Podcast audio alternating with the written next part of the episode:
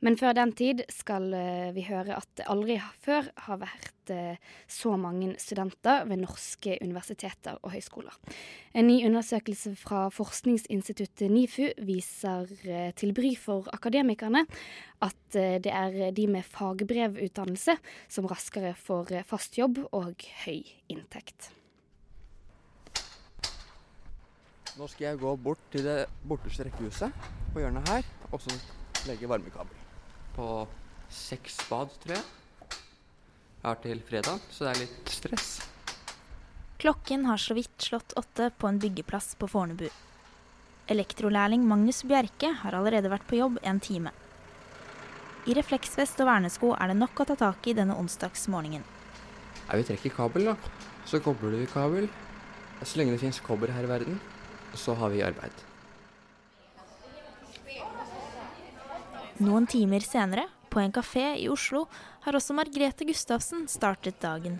Eh, nå har jeg akkurat stått opp. Eh, jeg kommer fra nattvakt på Gaustad, så jeg er vikar der.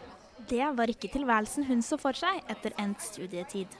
Jeg har eh, studert eh, statsvitenskap og sosiologi på Universitetet i Oslo, og så har jeg tatt en master i sosiologi. Likevel har det vært vanskelig å finne en relevant jobb. Margrethe har vært jobbsøker i et halvt år. Skal vi se nå, da. Vi finner noe. Begynner stort sett eh, på finn.no og nav.no. Søker barnevern i Norge. Det hørtes jo Ja. Høyere utdanning, yes. Check. Samfunnsvitenskapelig fag, humaniora og eller jus. Ja, da blir det en jurist som får den.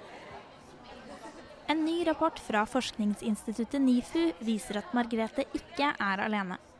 Rapporten fastslår at det er de med fagbrev som har tryggest arbeidsfremtid. Likevel tar stadig flere høyere utdanning. Antallet har økt med nesten 40 000 de siste ti årene. Jeg visste at det kunne bli tøft, eh, men gjorde det likevel. Og det, det er litt sånn Selv om man vet det, så tror jeg aldri helt man tar det inn over seg før, det, før man sitter her. I tillegg viser rapporten at folk med kortere utdanning tjener mer, det forklarer forfatter av rapporten, Eifred Markussen. Når du har, vært, når du har tatt et fagbrev og vært i jobb i fem år, så tjener du mer enn når du nettopp har begynt å jobbe med en uh, ny fersk bachelorgrad. Så det handler mye om erfaring i bransjen? Det er det som gjør at ansatte i fagbrevutdanna tjener bedre enn akademikere som 25 det er at de har fått lov til å være i jobb i fire-fem år allerede, mens eh, akademikeren har eh, nettopp begynt å jobbe og er på en begynnerlønn. Tilbake på Fornebu gir det gode fremtidsutsikter for Magnus. Altså det, er, det, er, det, er helt, det, er, veldig gøy da, å vite at jeg har fast uh, lønn og ordentlig økonomi fra starten av. Sånn som ting er nå, så da har jeg større sjanse for å komme meg på boligmarkedet osv. Men NIFO-undersøkelsen viser at det på lang sikt er håp for akademikerne.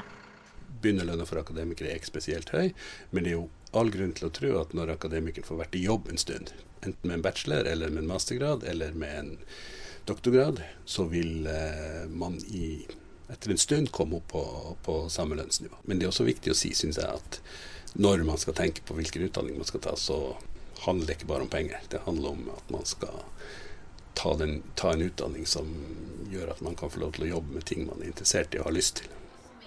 Jeg vet jo at stort sett alle får jobb etter hvert. Så jeg har vel vært litt sånn ja ja, da får jeg gå arbeidsledig en liten stund og håpe at det, liksom, at det går seg til. Til slutt hørte du altså masterutdannede Margrethe Gustavsen. Reportasjen den var laget av Louise Gangnes og Ingvild Fjeltveit.